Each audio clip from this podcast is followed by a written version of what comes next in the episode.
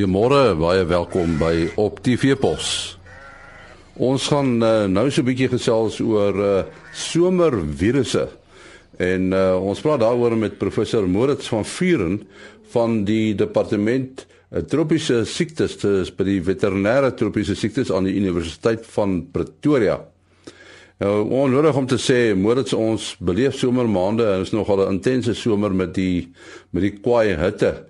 Uh watter virus siektes kom gewoonlik in die somermaande voor onder uh, beeste en skape? Ja, goeiemôre. Ehm um, ek dink as ons um, spesifiek dink aan somersiektes wat deur virusse veroorsaak word, is daar maar die paar groot virus siektes uh soos byvoorbeeld 3 dae stywe siekte in beeste, knopvel siekte in beeste, slengdalkoors uh, in beide beeste en skape en dan blou tong natuurlik oorsaaklik in skape maar uh, in enkele seisoene met uitermate hoë reënval kry ons ook kliniese blou tong in beeste. En uh, in in sulke hitte toestande soos wat ons nou beleef, uh, is daar 'n groter kans op virusse? Die antwoord op daai vraag is uh, of die siekte ehm um, afhangend is van insekoordraging of nie. So as daar as dit 'n insekoorgedraagde siekte is en toevallig die vier wat ek genoem het is almal vektor of insekoorgedra, ja, dan uh, sal hitte en vogtigheid sekerlik bydra tot 'n groter voorkoms en nuwe uitbreke van die siekte. Maar as vogtigheid afwesig is soos wat nou die geval is, uh, dan is dit seker nou anders. Ja, dis 'n goeie vraag. Ehm um, mense is geneig om te dink dat in droogte toestande soos hierdie sal die siektes nie voorkom nie. Die beste wat 'n mens kan sê is dat dit sal tot 'n mindere mate voorkom, maar daar is tog nog steeds waterbronne daar buite. Daar is nog steeds vogtigheid op plekke. En so as jy broeiplekke het vir muskiete byvoorbeeld, maak nie saak hoe droog dit is nie, dan kan van hierdie siektes sekerlik uitbreek. En 'n pragtige voorbeeld hiervan is slengdalkoors. Uh, mense het altyd gedink slengdalkoors is 'n seisoensgebonde siekte, maar eintlik is hy 'n watergebonde siekte. So hy kan in die middel van die woestyn voorkom solank daar waterbronne is vir die muskiete om uit te broei. Maar ons het nou redelik lanklaas van slengdal uh, koors gehoor. Uh, wat is die rede daarvoor? Dis waar Suid-Afrika het so 'n 4 jaar periode gehad hier tussen 2008 en 2011 waar ons baie flink dalkoers gehad het.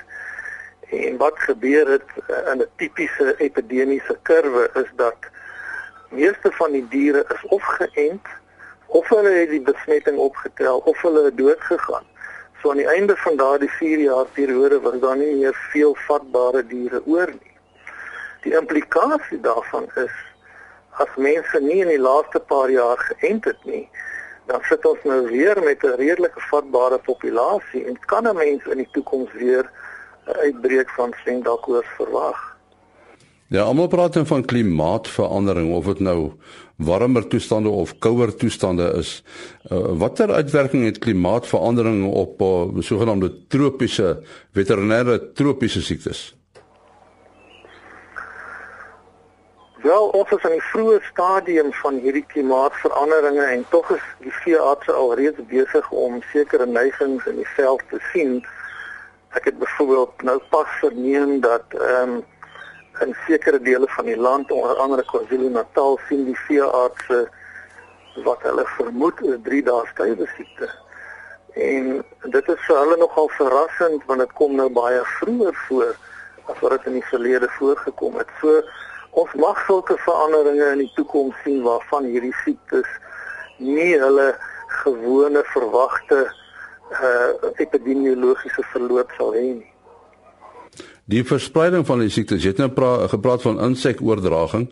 Uh as 'n mens dink aan 'n voerkraal situasie of 'n uh, 'n volvoer melkstal, uh die die plekke is seker baie meer vatbaar vir vir virus siektes.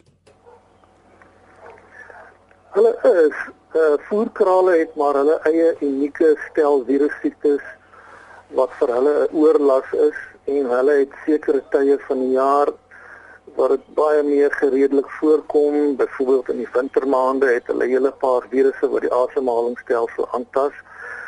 Maar dit kan ook self voorkom in in droë periodes met baie stof en wind.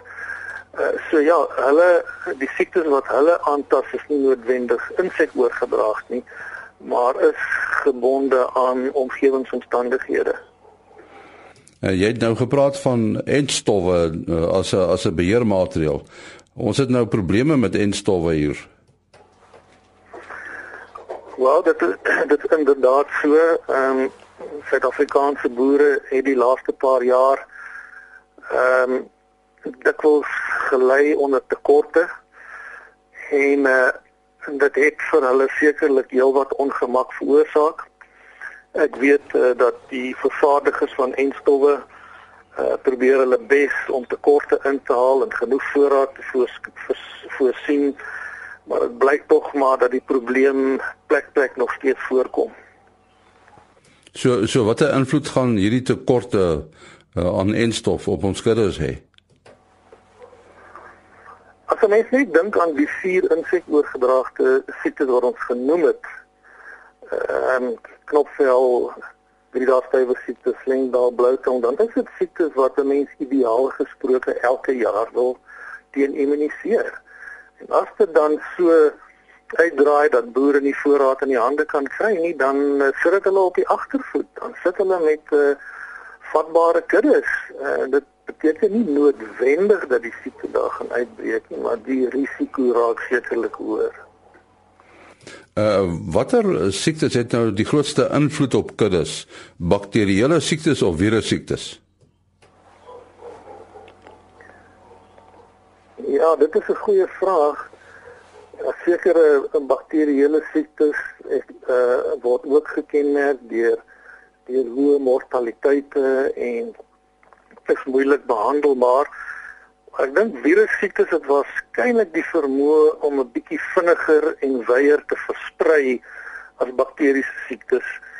Uh veral as hulle insekoorgedraagd is, kan hulle oor groot afstande en gebiede versprei.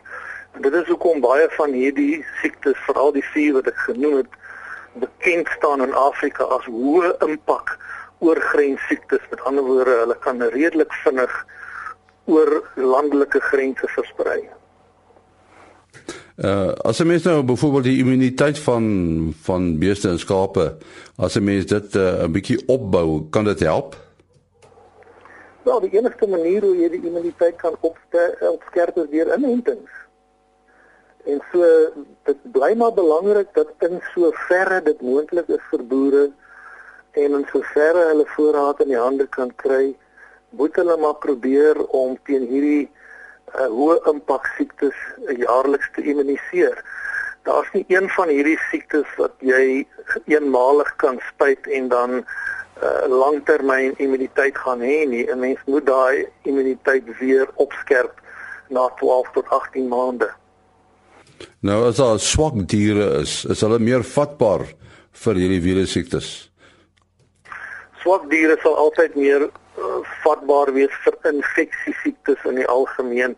En by infeksiesiektes bedoel ons nou die hele spektrum van bakteriese siektes, virussiektes en protozoïese siektes. Ons praat nou hier van uh, veterinêre tropiese siektes. Uh in noord van ons grense, Zimbabwe, Zambië en die uh, sukkel hulle maar met dieselfde probleme. Ja, absoluut. Ehm um, as ons praat van tropiese siektes, impliseer dit nie noodwendig dat jy jouself in die trope bevind nie. Daar is sekere siektes wat ehm um, baie prominent is in die trope, maar van daai selfde siektes kom ook in subtropiese gebiede uh voor en selfs in sekere droë dele, soos Suid-Afrika wat nou nie per definisie 'n tropiese land is nie het sekerlik ook sy aandeel van hierdie tropiese siektes wat ons dan in aanhalingstekens kan sit. Nou die werk wat julle by die universiteit doen, uh, ons het nou jy daai vier siektes genoem. Uh is daar nuwe siektes wat wat kop uitsteek, nuwe virus siektes? Daar sekerlik nog nie iets niets in ons deel van die wêreld uitgebreek nie. Ehm um, soos wat wel plaasgevind het in die noordelike halfrond nie. So byvoorbeeld bloutong wat versprei het na Wes-Europa en Oos-Europa of slengdalkoors wat oorgespoel het na die uh, Arabiese lande toe nie. Het ons nog nie werklik uh, iets niets hierso gehad onder ons see uh, wat vir ons groot probleme veroorsaak het nie. So die werk wat julle doen gaan meer oor die bestryding en stowwe en so voorts. Dit gaan dit gaan ehm um, oor 'n bietjie meer as dit maar sekerlik die beheer van die siektes en by implikasie hoofsaaklik immunisering teen die siektes bly maar altyd ehm um, prominent. Nou ons sê baie dankie aan professor Moritz van Vuren. Uh, hy is van die departement veterinêre tropiese siektes by die Universiteit van Pretoria. Môreoggend om kwart voor 5 is ons weer op ons pos op hierdie veepos. Tot dan, mooi loop. Ah.